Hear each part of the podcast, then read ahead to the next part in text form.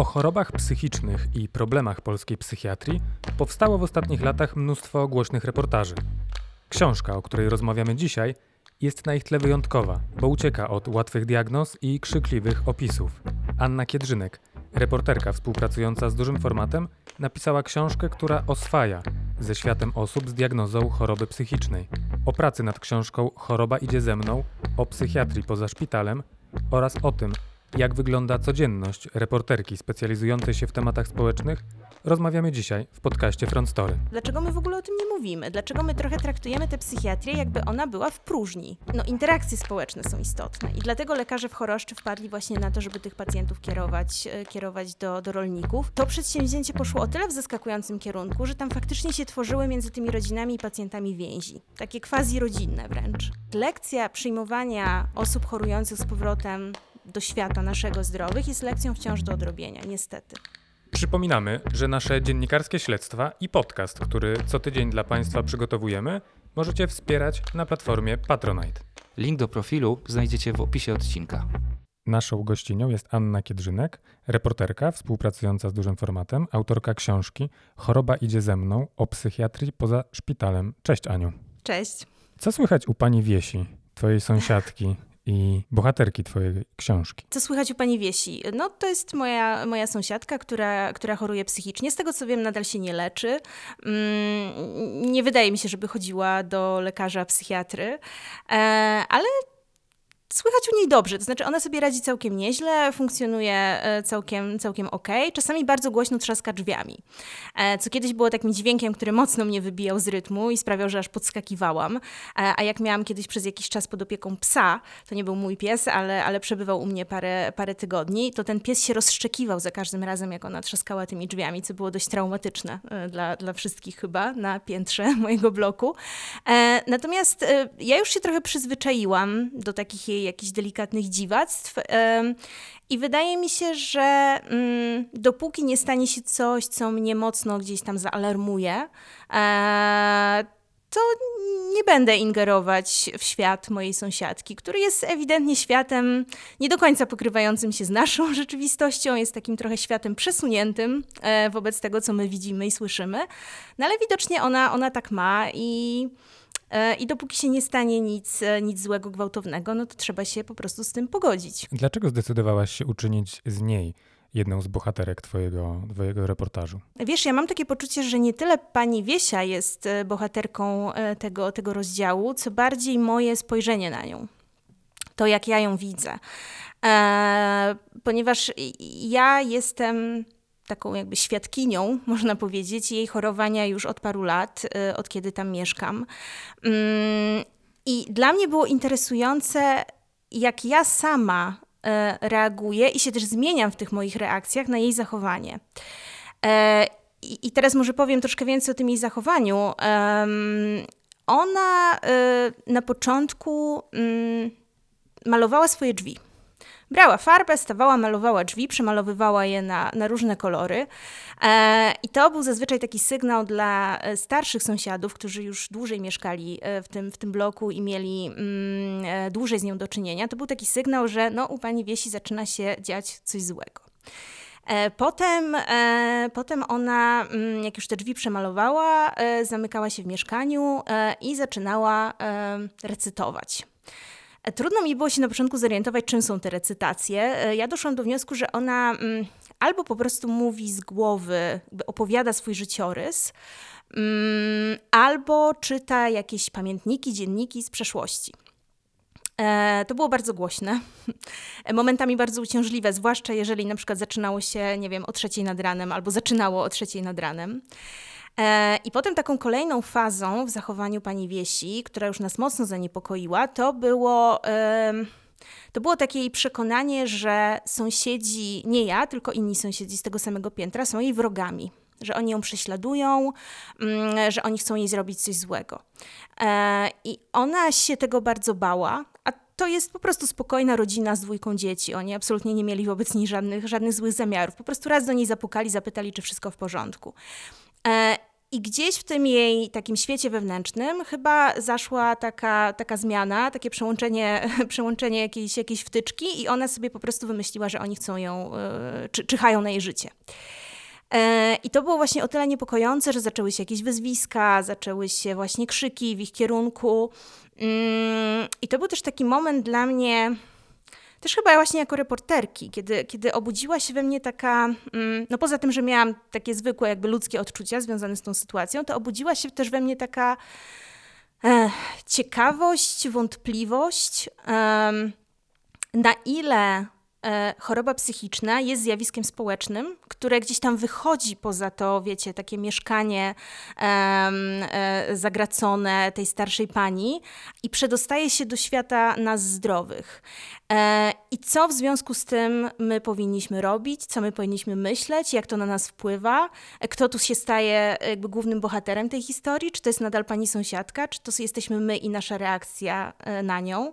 I na ile ta reakcja jest, no nie wiem, taka właśnie mm, mieszczańska i pełna oburzenia, no bo ona używa brzydkich wyrazów, tak, i krzyczy mm -hmm, na mhm, małe dzieci, mm -hmm. a na ile właśnie jest e, takim może testem naszego człowieczeństwa i naszej wiedzy o chorobie psychicznej, która oczywiście jest bardzo mała niestety. Czego się nauczyłaś yy, dzięki yy, te, temu eksperymentowi myślowemu z panią Wiesią o sobie? O sobie. Mm, wiesz co, no nauczyłam się chyba tego, że ponieważ ta historia, tutaj może warto dodać, że ta historia ma, e, ona się nadal toczy, ponieważ ja nadal mieszkam w tym samym mieszkaniu.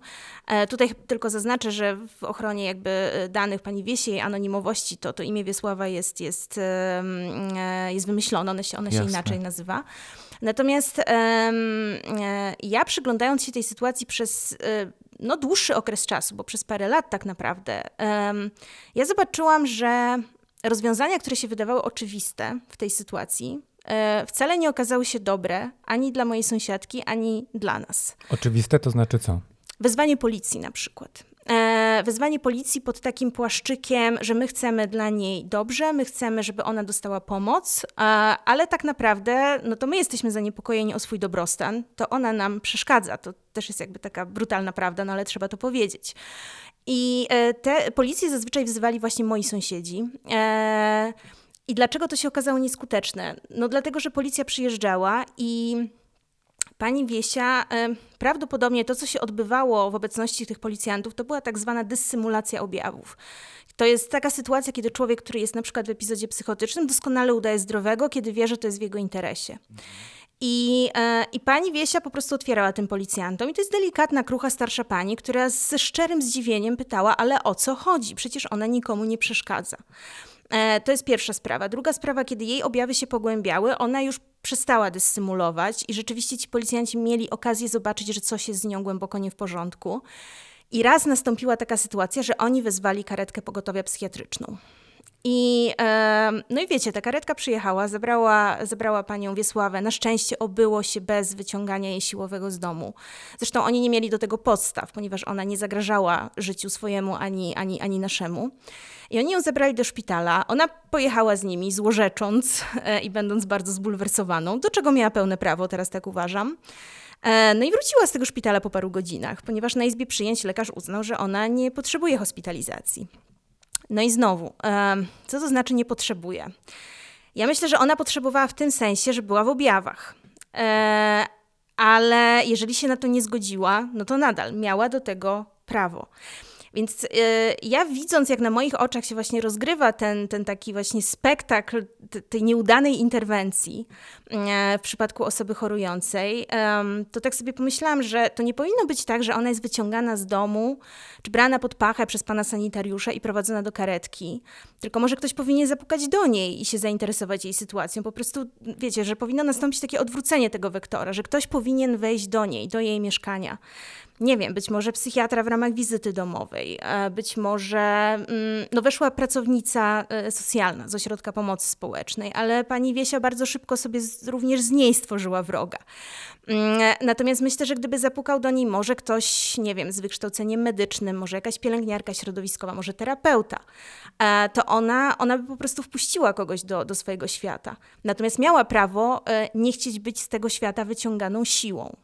No i to chyba też była właśnie taka lekcja dla mnie, że, że to się może rozwiązać inaczej, ponieważ, i tutaj może warto dodać, yy, yy, objawy pani Wiesi ostatnio bardzo zmalały, bardzo osłabły. Yy, ona teraz sobie całkiem, całkiem nieźle radzi, bierze, bierze rentę, listonosz jej przynosi rentę, ona chodzi po zakupy, ona nie głoduje, więc no i sobie choruje po prostu, a my, a my na to patrzymy i, no i uczymy się żyć z tą jej chorobą za ścianą. I chyba, tak jak ciebie słucham i też jak, jak czytałem twoją książkę, to chyba jakoś udało ci się z tym po prostu oswoić. I jak myślę sobie właśnie o twojej książce, to to słowo oswojenie jest dla mnie takim, takim kluczowym y, dla, dla, dla postrzegania i też y, tej myśli przewodniej, którą, która, która jest w tej, w tej książce. To znaczy, twoja książka nie epatuje emocjami, nie, nie epatuje dramatami, tylko stara się oswoić i jakoś tak spojrzeć takim E, z, takim z jednej strony dystansem, ale też e, e, jak, z jakimś takim normalnym, spokojnym, próbować jakoś zrozumieć ludzi, którzy, którzy chorują i którzy są wśród nas. Tak, wiesz co, ja jestem bardzo przeciwna takiemu braniu, wyciąganiu z tematyki choroby psychicznej wyłącznie tego, co w niej najbardziej tragiczne, dramatyczne, nieprzewidywalne, no właśnie, i braniu tego, jakby zostawianiu całej tej żmudnej codzienności, która towarzyszy chorowaniu, e, a zajmowaniu się wyłącznie wybuchami w tej chorobie. To jeżeli robimy z tego chorego kogoś, kto na przykład zagraża, tak, albo, albo jest, jest jakoś problematyczny dla otoczenia, e, albo w drugą stronę, na drugą nóżkę, wyciąganie z życiorysu ludzi wyłącznie ich epizodów pobytu w szpitalach, gdzie na przykład doszło do nadużyć. Ja tu nie mówię, że, że jestem przeciwna e, ujawnianiu nadużyć, bo absolutnie nie. Natomiast nie podoba mi się, że mm, tworzy się taka opowieść o psychiatrii, w której widzimy chorobę psychiczną jako taki ciąg e, gwałtownych wybuchów, czy to agresji, czy samoagresji, um, które są poskramiane w szpitalu, a ten szpital dodatkowo jeszcze wygląda jak z horroru. E, jest strasznym miejscem, niedoinwestowanym, niedofinansowanym. I, i, gdzie po korytarzach krążą umęczone starsze pielęgniarki, e, które gdy stracą cierpliwość, to zapinają bezlitośnie tych pacjentów w pasy. To jest opowieść. Um, ona nie jest fałszywa w tym sensie, że takie rzeczy się zdarzają i to też jest część tej, tej opowieści, natomiast robienie z tego. Um, czy opowiadanie o psychiatrii w taki sposób, jakby y, tylko to się tam wydarzało, no to po prostu tworzy moim zdaniem zakłamany obraz tytuł Twojej książki wydaje mi się, że, że jakby transmituje ten przekaz, to znaczy choroba idzie ze mną, ona nie jest mną, ona nie jest we mnie, ona mnie nie określa, ale mi towarzyszy przez całe życie, a życie składa się z różnych odcieni, prawda? Tak, jasne. I e, rzeczywiście, no choroba idzie ze mną, dlatego że człowiek jak wychodzi ze szpitala albo jak wychodzi z gabinetu psychiatry, mm, to no, nie zostaje niestety cudownie uzdrowiony zazwyczaj, zwłaszcza jeśli choruje przewlekle. E, jedna z bohaterek mi w ogóle powiedziała, że, że ona nazywa swoją schizofrenię kalectwem. E, ja bym tak nie powiedziała o, o nikim ze schizofrenią, natomiast to są jej własne słowa, mojej rozmówczyni, która powiedziała tak, to jest, to jest pewnego rodzaju niepełnosprawność, ja muszę się z tym liczyć. Ja sobie to tak porównałam wtedy w głowie, tak jak na przykład są osoby poruszające się na wózku, które muszą gdzieś tam kombinować przed wyjściem z domu, tak, gdzie, gdzie mogą dojechać, gdzie będą za wysokie krawężniki i tak dalej. I ona musi trochę też tak sobie układać, nie wiem, harmonogram, tak, plany na życie, mm, na pracę i tak dalej, które uwzględniają to, to co ona właśnie nazywa kalectwem, czyli, czyli tą schizofrenią. Mm, natomiast ona nie mówi o sobie, że jest schizofreniczką. E, mhm. I to też jest właśnie ważne, że choroba idzie ze mną, a nie właśnie, a nie ja jestem chorobą. Ale w ten sposób ona stara się sobie samej oswoić tą chorobę, jakoś ją nazwać inaczej niż jakimś medycznym, chłodnym terminem? Czy, bo jedna z twoich bohaterek mówi, że bardziej oswoiła słowa typu wariatka, yy, niepoczytalna, świr, świr i jeszcze inne, mm -hmm. i jeszcze kilka innych, niż yy, osoba, e, zdaje się, jeśli sobie dobrze przypominam, z niedoborami psychicznymi, coś takiego. Albo w kryzysie psychicznym. Albo w kryzysie psychicznym. Twoje, twoi bohaterzy, bohaterki robią to, żeby sobie też oswoić język mówienia o tej chorobie? Ja myślę, że tak. To był w ogóle jeden z takich bardziej ciekawych aspektów pracy nad tą książką, czyli takie mm, gdzie pytanie ludzi o ich doświadczenia z chorowaniem i ze zdrowieniem i obserwowanie, e, jak oni trochę na moich oczach po raz pierwszy konstruują swoją opowieść o swojej chorobie. Mhm. bo ta opowieść wygłaszana do dziennikarki, do reporterki jest czymś innym niż opowieść na przykład wygłaszana przed lekarzem, do którego się idzie na kontrolę. E, to jest właśnie opowieść, w której nie mówi się tylko o objawach, e, nie mówi się o tym, e, czy się bierze leki, jakie występują skutki uboczne i tak dalej. Tylko to jest opowieść, w której się mówi o tym, jak choroba wpływa na moje związki, na moją pracę, na, na to, jak ja codziennie żyję, mm, na to, czy ja jestem w stanie tak wstać z łóżka i sobie coś ugotować. E, więc to jest taka opowieść, e, gdzie siłą rzeczy e, pojawia się ta kwestia języka i tego, jak w ogóle mówić o tym swoim chorowaniu. Mm, I ja, kiedy przystępowałam do pisania, to było we mnie dużo wątpliwości, takich wahań. Właśnie jak, jak mówić, czy kryzys psychiczny, czy choroba. Mm, no nie przyszła mi do głowy na przykład niepełnosprawność, ale, e, ale jak rozmawiałam z moimi bohaterami, no to ja ich pytałam, jak chcecie właściwie być nazywani. I te odpowiedzi były bardzo różne. Natomiast to co, je, to, co je chyba łączyło, to to, że poprzez jakby konkretne nazywanie siebie, moi rozmówcy trochę też pokazują stosunek do tej choroby. Czyli właśnie to słowo, na przykład kalectwo, e, o którym, o którym wspominałam, to jest. Um, to jest, myślę, nie tyle, wiesz, próba oswojenia języka medycznego, co bardziej próba wskazania na to, że moja bohaterka, choć jest bardzo inteligentną osobą, wykształconą, mm, z, z dużą taką samoświadomością, to ona sobie zdaje właśnie sprawę, że, że schizofrenia jest czymś, co potrafi jej, mówiąc wprost, mm, zniszczyć jakieś plany, mhm. e, ponieważ w chwilach jakby dużego stresu ona po prostu nie daje sobie rady, wie, że jest po prostu za bardzo e, wrażliwa tak, na, na niektóre rzeczy.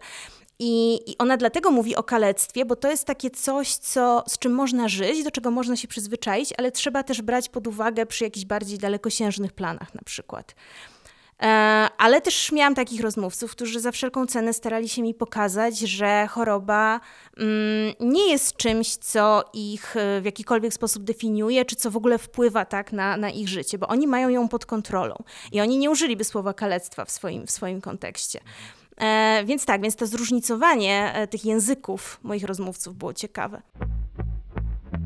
Powiedz, skąd ci się wziął takie w ogóle podejście do tego tematu? Bo to już o tym wspominałaś, to znaczy o tym, jakie był, jakie, znaczy dziennikarze idą trochę utartymi ścieżkami, kiedy piszą o, o, psy, o psychiatrii, o, o, o, chorobach psychicznych.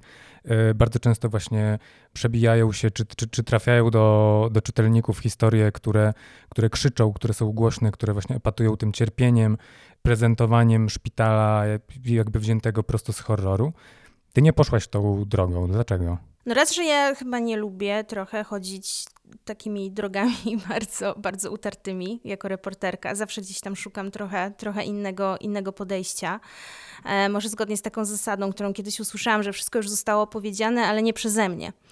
E, więc temat psychiatrii nie jest tematem, który jest e, zarezerwowany tak, dla mnie czy dla, nie wiem, dwóch, trzech innych dziennikarzy. To jest, to jest temat, którym się zajmowało naprawdę dużo ludzi.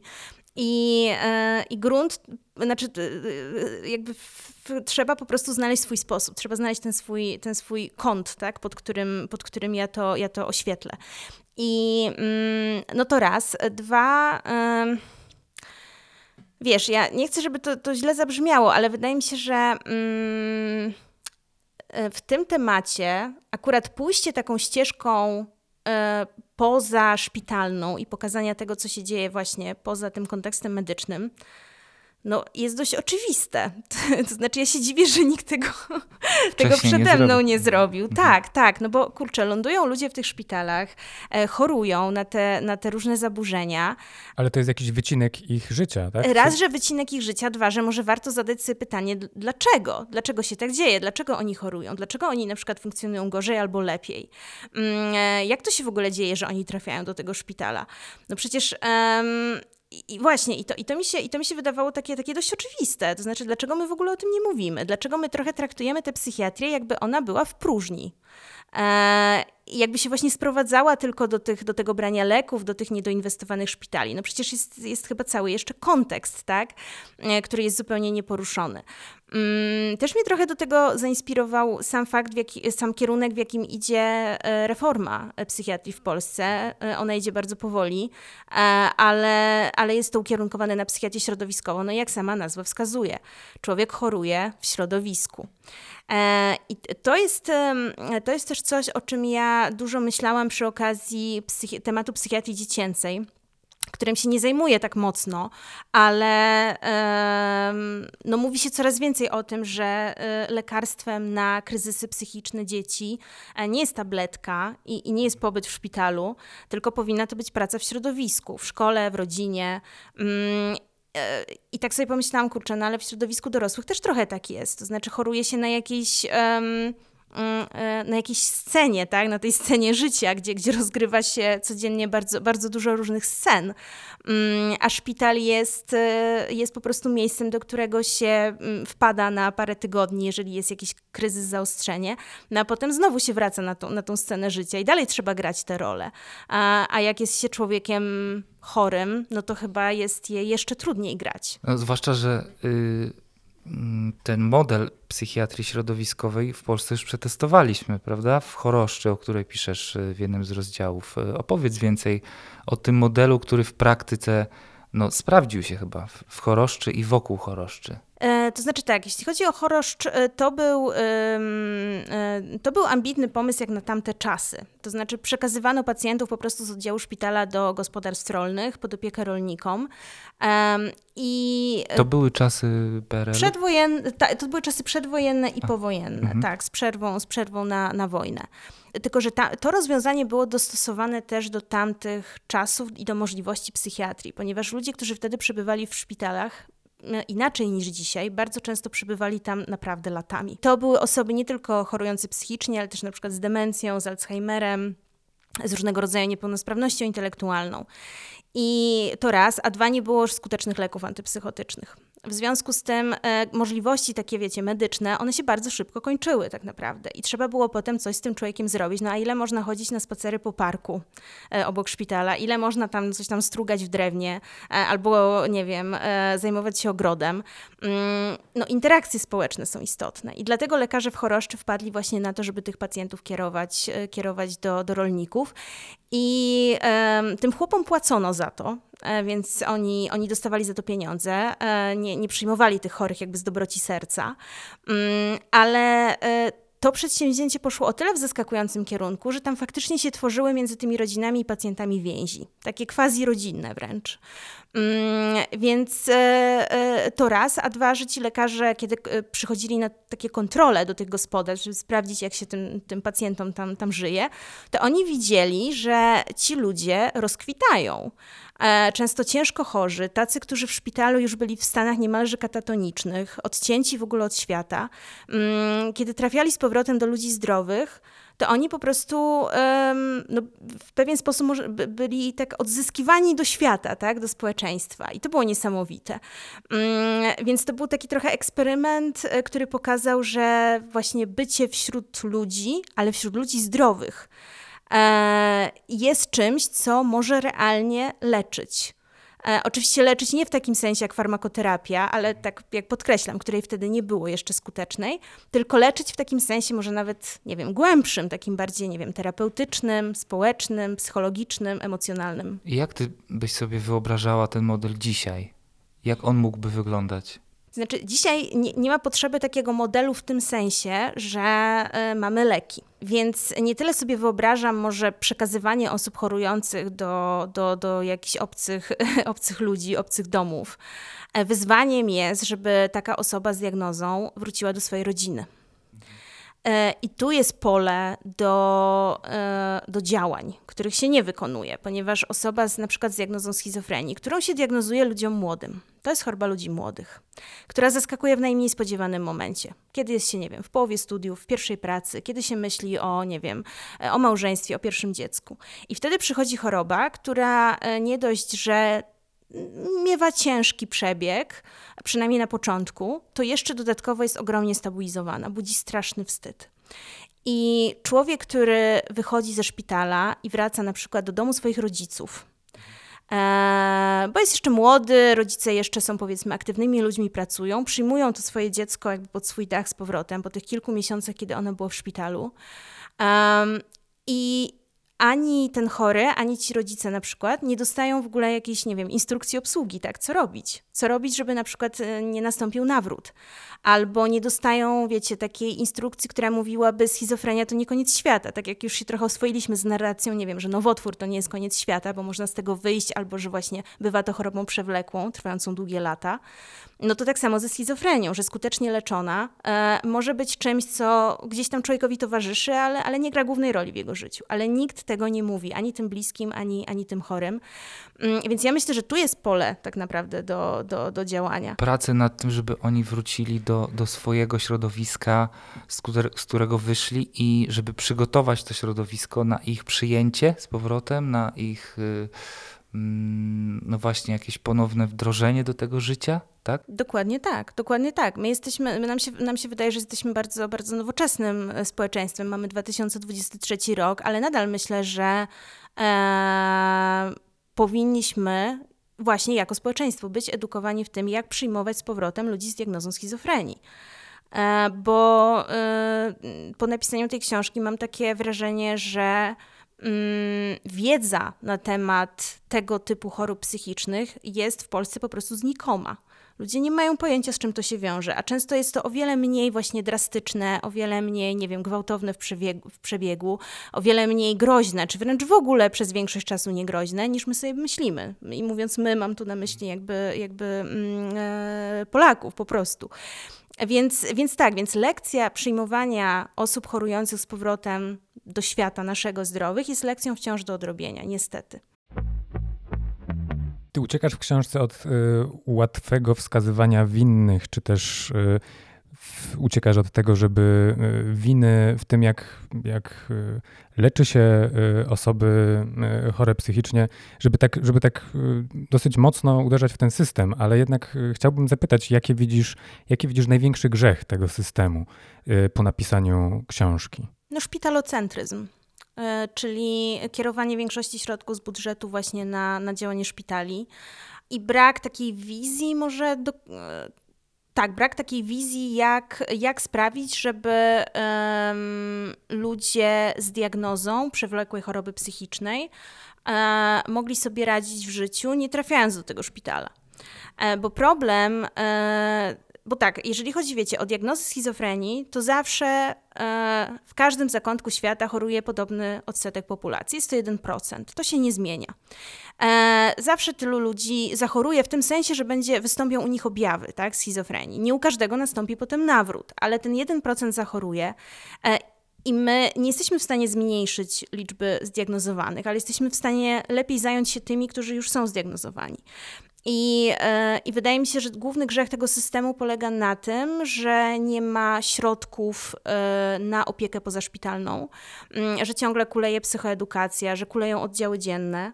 E, natomiast szpital trzyma się mocno, szpital jest takim, takim głównym aktorem, tak, jakby, jakby na, w tym, na, na, na tej scenie polskiej psychiatrii i wydaje mi się, że tu jest dużo do zrobienia właśnie. I a z drugiej strony jest ten, to działanie wolnego rynku w cudzysłowie, to znaczy y, no ja mam takie obserwacje, że, że dzięki aplikacjom, w których można umówić y, każdą dowolną teleporadę, także tą psychiatryczną, można zdobyć recepty niemal na każdy lek, w każdych ilościach. Y, I, i mam wrażenie, że to, mm, w czym to, słab, to państwo jest słabe i czego gdzie mu wiele e, brakuje, zastępuje jak zwykle u nas taki bardzo wolny rynek, w którym wszystko można i który jest trudno kontrolowalny, no bo trudno pewnie dzisiaj zliczyć, ile osób korzysta z tego typu usług i na przykład faszeruje się lekami, których nie powinien, nie powinien przyjmować. To, o czym mówisz, e, to mam wrażenie, że jest problem dotyczący bardziej zaburzeń depresyjnych i lękowych. Bo akurat w przypadku schizofrenii jest tak, że ci ludzie, którzy już trafią do tego systemu, czyli zostają zdiagnozowani, zaczynają być leczeni, e, to nad nimi roztacza opiekę jako taką system państwowy. E, ja znam, nie, e, znaczy spośród tych psychiatrów, które znam, którzy przyjmują prywatnie, e, zdecydowana większość nie ma prawie w ogóle pacjentów ze schizofrenią, Mhm. bo oni jednak ze względu na naturę tej choroby, na jej ciężar, przewlekłość, no wiadomo, im coś, im coś ma cięższy przebieg, tym, tym bardziej jest to zrzucane tak, na, Na państwo. na państwo, oczywiście. Natomiast jeżeli chodzi o to, jeżeli chodzi o to, co mówisz, czyli właśnie o ten.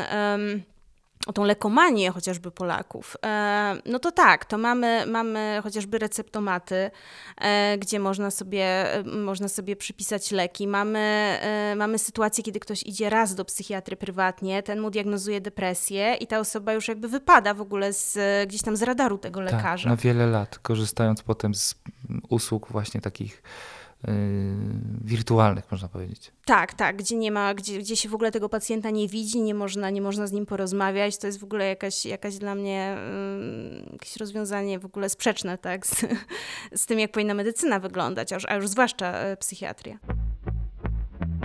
Chciałem trochę y, odejść od tematu książki i zapytać Cię trochę o, o Twój sposób pracy nad tą, nad tą książką.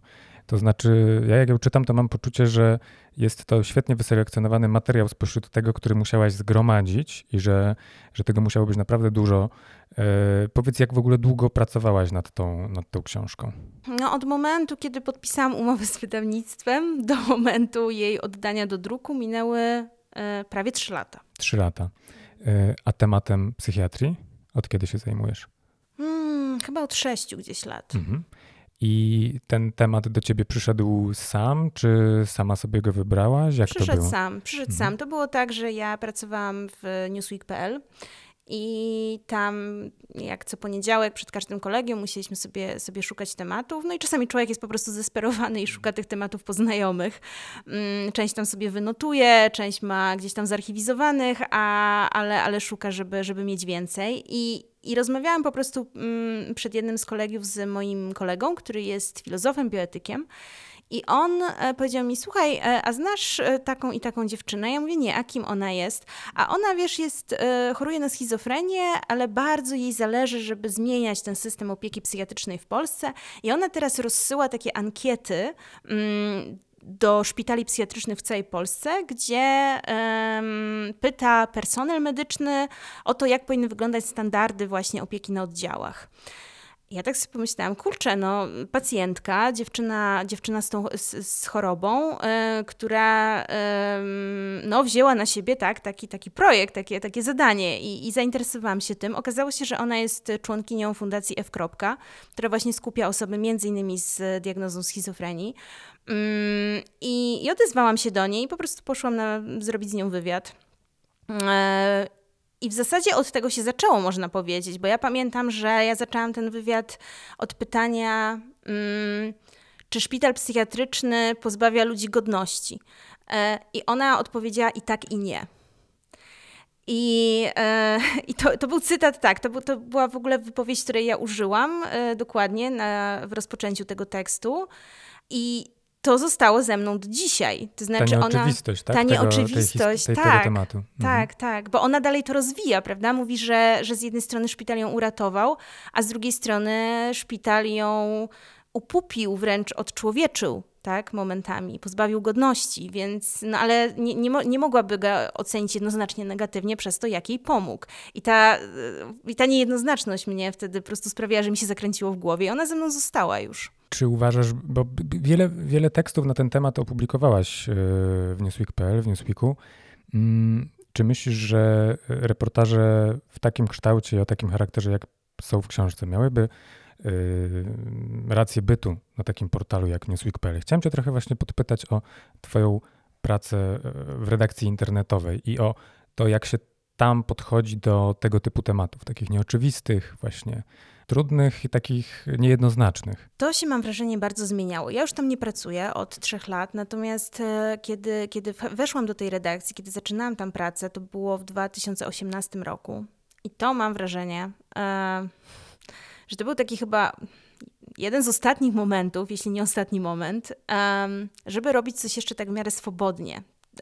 W tym sensie, że ja jako osoba dziennikarka zajmująca się tematami społecznymi, czułam, że mam w tej redakcji taką ogromną wolność właśnie proponowania różnych tematów i tutaj dam cudzysłów od czapy, to znaczy w tym sensie od czapy, że nie będących, e, wiecie, nie, nie zawieszonych na czymś koniecznie super bieżącym, co akurat żre w internecie. Akurat coś, co się super kliknie. Coś, tak? co się super kliknie, tak. I ta wolność była, była świetna. Ja wtedy byłam też mm, mało doświadczoną reporterką, dopiero tak naprawdę zaczynałam, mm, e, więc czasami ta, ta wolność i ta swoboda mnie gubiły i, i sprawiały, że, że nie dowoziłam e, dobrych tekstów, ale, ale gdy, już, gdy już mi się trafił fajny temat, to, to potrafiłam to zrobić chyba ciekawie. Mm, I czasami te teksty pamiętam, że samych, samych wydawców to dziwiło, że one się potrafią klikać, mimo że właśnie e, nie są tak, nie są, nie są związane z czymś, co akurat, co akurat jest wiralem w mediach. I, mm, i ta swoboda była super. Ja pamiętam, że nawet wtedy miałam taką odwagę trochę eksperymentować z formą. E, też, też bardzo dobrze pamiętam, jak w papierowym Newsweeku ukazał się mój reportaż o mm, weteranie misji zagranicznej e, natowskiej, który, e, który bardzo długo był bezdomny wskutek właśnie PTSD, którego się nabawił podczas tej misji.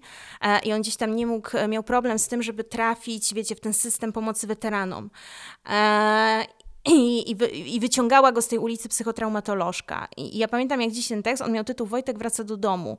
I to było... Um, i to było niesamowite, bo ja tam po, pojechałam do tej psychotraumatolożki i ona pamiętam, że mi pokazywała, um, wzięła taki kawałek jakby plasteliny, bo ona pracowała też jednocześnie w technikum i uczyła e, te dzieciaki w technikum pierwszej pomocy. E, i różnych takich właśnie technik, na przykład bandażowania e, palców albo bandażowania ran po oderwanych palcach. I, I ona wzięła, wiecie, ten kawałek e, plasteliny i on był biały a, i dołożyła do niego trochę czerni i zaczęła tak tym międlić i widać było, że on się robi taki szary i ona mi tłumaczyła, że taka właśnie jest natura traumy, e, że nie da się jej, wiecie, wybrać, tak, z, z, psychiki ludzkiej, że ona już po prostu tam zostaje, tylko, tylko trzeba, trzeba nauczyć się z tym pracować. E, i, no i tak, no i miałam, miałam możliwość wtedy właśnie robić takie rzeczy i chodzić do takich ludzi, z nimi rozmawiać. Mm, i mam wrażenie, że z czasem przestrzeń na takie tematy się kurczyła. I nie mówię tylko tutaj o Newsweeku, bo, bo Newsweek jest jakby częścią większej, że tak powiem, większego zjawiska, e, tylko że w ogóle się właśnie kurczyła ta przestrzeń i ona została nie wiem gdzie, może w Tygodniku Powszechnym, może w miesięczniku Pismo, może w dużym formacie, um, ale w tych portalach, e, które próbują się zajmować zjawiskami społecznymi, ja już nie widzę tej przestrzeni, więc nie wiem, nie wiem czy bym się tam odnalazła teraz. I to dlatego się z nimi pożegnałaś, tak? To znaczy, że już nie, że nie było tam miejsca na, na to, żeby pisać teksty, które e, z których ty byłabyś e, zadowolona? E, wiesz co, może nie chcę mówić kategorycznie, że się pożegnałam, bo, bo, bo gdzieś tam te współprace się okazjonalnie zdarzają.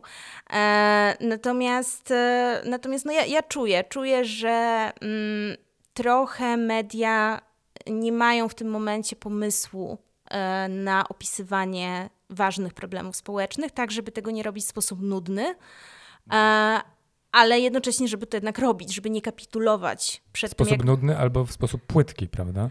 E, tak, ale to jest właśnie ta kapitulacja. E, I. Mm, i, nie, ma, nie, ma tego, e, nie ma tej wizji chyba, nie ma, nie ma pomysłu, jak to ugryźć. Ja się trochę wychowałam na takich, wiecie, reportażach, nie wiem, Barbary Pietkiewicz czy Edyty Gietki w polityce. I mam wrażenie, że to już po prostu się czuję trochę dinozaurem, jak o tym mówię, że to już takie dziennikarstwo już prawie nie ma racji bytu i to jest, i to jest dla mnie bardzo smutne, bo, bo ja, się, ja się gdzieś tam w tym wychowałam i, i na tym się chciałam też wzorować pisząc. Um, no i książka jest taką przestrzenią, gdzie ja to mogę zrobić, e, natomiast media chyba już nie za bardzo a musisz chodzić na takie kompromisy z rzeczywistością, że musisz na przykład rezygnować z jakichś tematów, które chciałbyś podjąć, albo musisz rezygnować z jakiejś ciekawej, innej formy, którą chciałabyś wykorzystać w danym tekście, a nie możesz, bo, yy, bo portal na przykład. Wiesz co, tak, no to jest taka trochę papka już teraz. To znaczy oczekuje się, że te teksty będą łatwe do strawienia, że one będą trochę też wszystkie przycinane według takiego samego e, schematu, e, czyli będzie właśnie tych kilku bohaterów i najczęściej to są bohaterowie mm, z Warszawy albo z innego dużego miasta, którzy mają warszawskie problemy, warszawskie zarobki, i, e, I trzeba o nich pisać, bo redaktorzy zauważyli, że ludzie że czytelnicy chcą o tym czytać, a to dlatego, że sami czytelnicy tak mają podobne problemy. Tylko, że to jest właśnie to, to zamykanie się w bańce. Ta bańka jest strasznie wąska, taka malutka, i taka nieprzepuszczalna, mam wrażenie. To znaczy, nikt, nikt nie wie, co, co się poza tą bańką dzieje. I panuje chyba taki, mm, taki kompromis różnych mediów internetowych co do tego, że czytelnika nie interesuje kompletnie właśnie ta rzeczywistość poza, pozabańkowa, e, która jest ogromna i, i, bardzo często przeciekawa, ale, ale jak tu o niej opowiadać? Tutaj jeszcze dodatkowo, wiecie, wchodzimy w jakieś podziały polityczne. Mm, e, jak tu opowiadać tak, o ludziach, którzy, którzy może mają coś do powiedzenia, mają jakieś ciekawe historie, ale, ale no nie wiem, głosują na Prawo i Sprawiedliwość, tak na przykład. Więc, więc to jest dużo takich, tak, to chyba ten lęk przed prowincją, tak, też tutaj mocno, mocno widać, że jak już jedziemy na prowincję, czyli mówiąc jedziemy, mam na myśli tutaj, że jak jakiś dziennikarz, tak zauważyłam, jest wysyłany na prowincję, to na przykład przywozi potem reportaż z gminy, w której było rekordowe poparcie dla Platformy Obywatelskiej. I to jest temat. I ja tak sobie, wiecie, czytam to i myślę, kurczę, gdzie to jest temat? To gdzie to jest temat? Ja, ja bym nie chciała takiego tekstu pisać. I, i no właśnie, więc, więc e, nie pamiętam już o czym było pytanie. Musicie to Wiesz co, e, była taka historia, która łączy, mam, wrażenie, nasze światy. To znaczy pewien bardzo ważny polityk e, przeżył bardzo duży kryzys psychiczny w swoim, w swoim życiu i o tym się, i to było tematem tabu w polskich mediach, o tym się nie mówiło głośno, nie używało się tego nazwiska, nie opisywało się tej sytuacji ze szczegółami. Oczywiście z szacunku do tej osoby. Ale dzisiaj ta osoba wróciła do życia politycznego w, jakiś, w jakimś tam zakresie. Ty byś się podjęła napisania takiego reportażu o kimś, kto był przedstawicielem władzy, ale nagle z tego piedestału spadł trochę niżej i okazał się po prostu człowiekiem? Wiesz co? Ja myślę, że gdyby to była opowieść nie tylko o polityku, który zniknął na chwilę z takiego powodu z przestrzeni publicznej, co opowieść właśnie o wstydzie i o stygmatyzacji związanej z chorobą psychiczną, mm -hmm. to tak, to, to, to takiego tematu bym się, bym się chciała podjąć. Chciałbym Cię zapytać, jak się w Polsce żyje dziennikarce, freelancerce, to znaczy to dziennikarz freelancer, dziennikarka freelancerka, wolna strzelczyni, że tak powiem, to jest taki specyficzny gatunek y, człowieka, który musi sobie radzić na różnych polach. Musi sobie układać y, dzień pracy, tydzień pracy, życie generalnie wokół tego, co pisze, kiedy napisze, kiedy to odda kiedy zostanie to opublikowane i kiedy dostanie za to wynagrodzenie. Jak ty sobie w tym świecie radzisz? To znaczy tak, przez dwa lata pracy nad książką radziłam sobie w ten sposób, że miałam poduszkę finansową.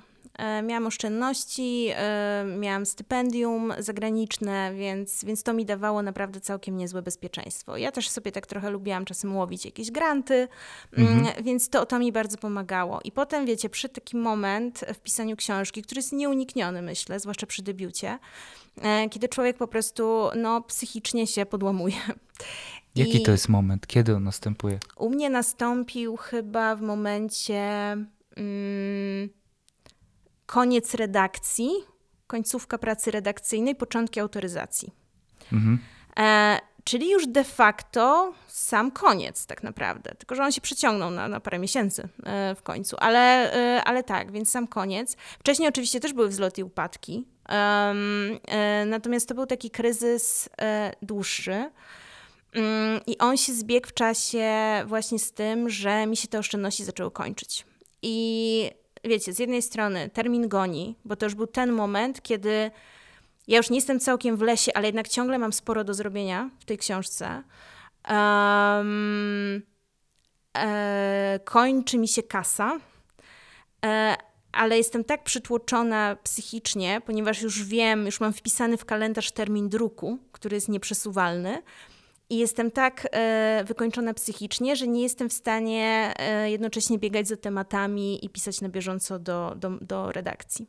Bo to byłby sposób na to, żeby podreperować po prostu budżet, to znaczy łapać zlecenia, e, jako freelancerka łapać zlecenia po różnych tytułach, tak, i, i dowodzić, dowodzić tam teksty, kiedy masz cały czas nieskończony ten główny tekst, nad którym pracujesz. Tak, tak. I wiesz, to, to, ym, to czasowo pewnie dałoby się ogarnąć, tylko że ja po prostu byłam, no mówiąc wprost, w kiepskiej takiej kondycji psychicznej. I, ym, a jednocześnie właśnie wisiał nade mną już ten termin taki nieprzekraczalny, no bo oczywiście termin oddania książki to przesuwałam tyle razy, ile się dało, ale już tego terminu druku nie, nie przekroczysz, więc, więc tak, więc to był trudny moment i ja tak naprawdę dopiero zaczęłam do tego freelansu wracać w ostatnich miesiącach. Więc ja jeszcze, a no i może jeszcze dodam, żeby, żeby, um, żeby było jasne, no, no w tym czasie po prostu po, pomagała mi moja rodzina i pomagał mi mój partner i to, to jakby jest tajemnica, dlaczego nie umarłam z głodu. E, natomiast, e, natomiast jak już się właśnie wygrzebałam, wygrzebałam z tej książki wreszcie i zaczęłam się tak, wiecie, rozglądać po tym rynku, e, na którym przez parę miesięcy byłam nieaktywna, no to się trochę przeraziłam. To znaczy ja na szczęście mam taką przystań e, teraz w postaci dużego formatu, gdzie, gdzie mogę proponować tematy i zawsze jestem tam przyjmowana z dużą życzliwością, za co jestem ogromnie wdzięczna. Mm, natomiast, natomiast ten rynek właśnie takiego, te, te, ten portalowo e, tak, ten portalowy, no on jest trudniejszy, bo takie mam wrażenie, że to raz, że mm, to zamknięcie w bańce, że ta bańka się jeszcze bardziej z, zmniejszyła, jest jeszcze ciaśniejsza i, e, i już w ogóle jakiekolwiek wychodzenie poza nią to, to budzi opór wśród redaktorów, wśród wydawców. Mm, a dwa, że chyba zaczął się taki poważny. E, poważny nacisk właśnie na tą sprzedaż prenumerat. Ja nie wiem, jak to wygląda. Ja byłam wewnątrz redakcji, kiedy dopiero y, to się zaczynało przechodzenie na ten model subskrypcyjny. Ja teraz nie jestem jakby w środku żadnej redakcji, więc nie mam pojęcia, wiecie, jak to, jak to w ogóle wychodzi, czy to się opłaca, jak ta sprzedaż idzie. Na pewno jest ogromny y, nacisk na to, żeby ludzie te prenumeraty kupowali. E, i to jest coś, co znowu, to znowu zabrzmi jak jakiś dinozaur, ale mam wrażenie, że nie mówi się w mediach chyba o wizji, nie mówi się o tym, jak my mamy robić dobre dziennikarstwo, e, tylko bardziej mówi się o tym, jak, jak sprzedać te prenumeraty. E, no wiadomo, no sprzedają rzeczy różne, tak? E, z jednej strony sprzedają rzeczy bardzo polityczne, co jest zrozumiałe, bo cały czas jesteśmy mm, gdzieś tam wzmożeni na tym punkcie, no ale jeśli chodzi o takie właśnie tematy społeczne, no to kurczę, no nadal, nadal chyba najbardziej sprzedaje słowo na S, którego nie mogę wymówić, bo wam obetną zasięgi, ale, ale chyba to. Ja pamiętam y, takie zebranie redakcyjne w jednym z największych dzienników w Polsce, y, który też dobrze znasz od wewnątrz, y, na którym to zebraniu padło stwierdzenie, że no słuchajcie, reportaż jest najczęściej czytanym gatunkiem na naszej stronie internetowej.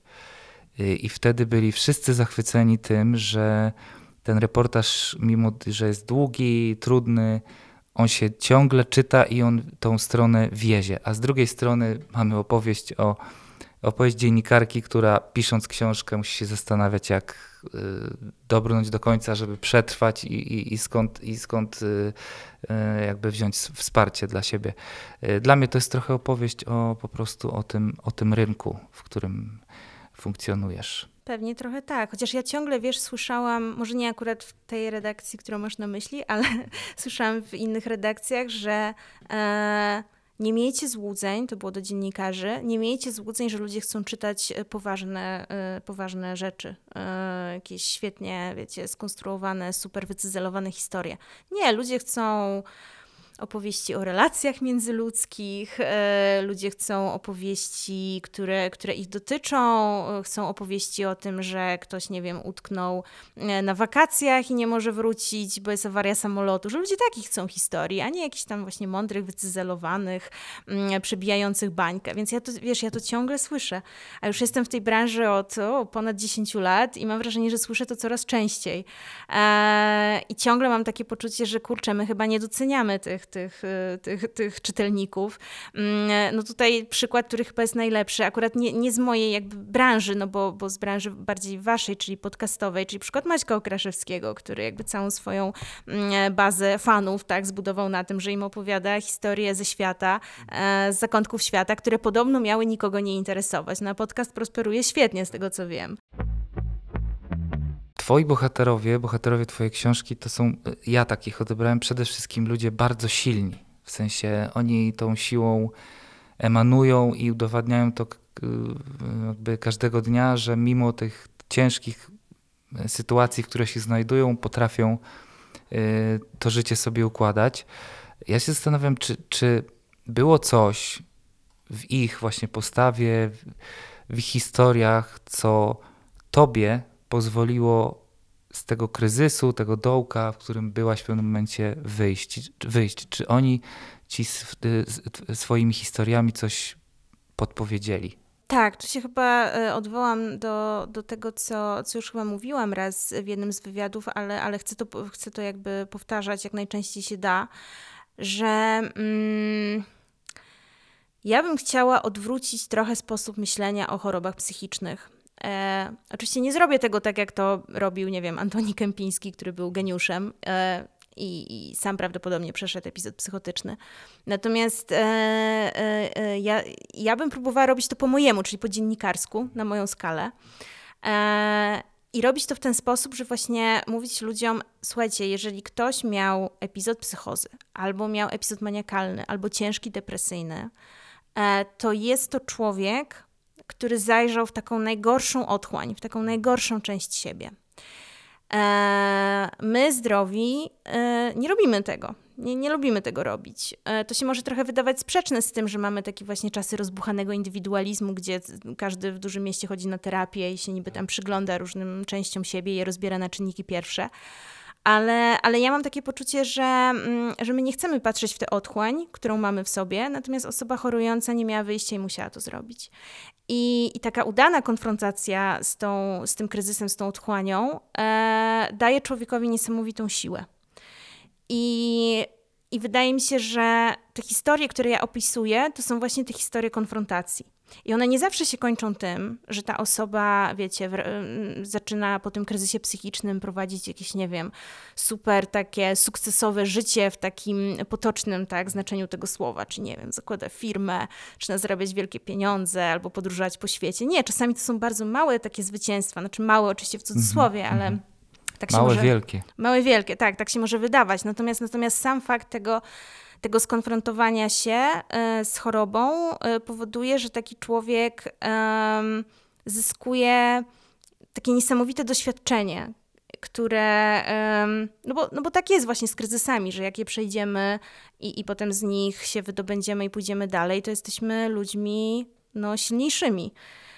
I, I tak, no i oni wszyscy chyba to pokazują. Czy wzięłam z tego coś dla siebie? Nie wiem. Myślę, że chciałabym. czy, czy tak się stało? Nie wiem. Też chyba po to czytamy, żeby piszemy i czytamy, żeby, żeby z cudzego doświadczenia trochę szukać tego spokoju, prawda? Że tak y, powiedzieć sobie, y, nie jestem nie jestem sam, sama na tym świecie. Tak, to jest chyba nadal wielka siła reportażu, ale to jest też wielka siła powieści. Dlatego ja bardzo starałam się w tej książce jednak opowiadać o ludzkich losach w większym stopniu, a w mniejszym stopniu gdzieś tam atakować czytelnika, wiecie, statystykami, całą tą mądrością e, liczbowo-statystyczną, którą, którą trzeba przedstawić w reportażu. Trochę trzeba, ja to oczywiście z, zrobiłam do pewnego stopnia, natomiast wydaje mi się, że możliwość przejrzenia się w takim ludzkim losie, który dotknęło coś trudnego, w tym przypadku choroba psychiczna, e, no jest takim czymś, co... Mm, co chyba nas, nas wszystkich może ubogacić do jakiegoś stopnia. Naszą gościnią była Anna Kiedrzynek, reporterka współpracująca z dużym formatem, autorka książki Choroba idzie ze mną o psychiatrii poza szpitalem. Dzięki Ci za rozmowę. Dzięki, Dzięki. Ania. Dzięki. To był podcast frontstory.pl. Od niedawna możesz nas wspierać na platformie patronite.pl.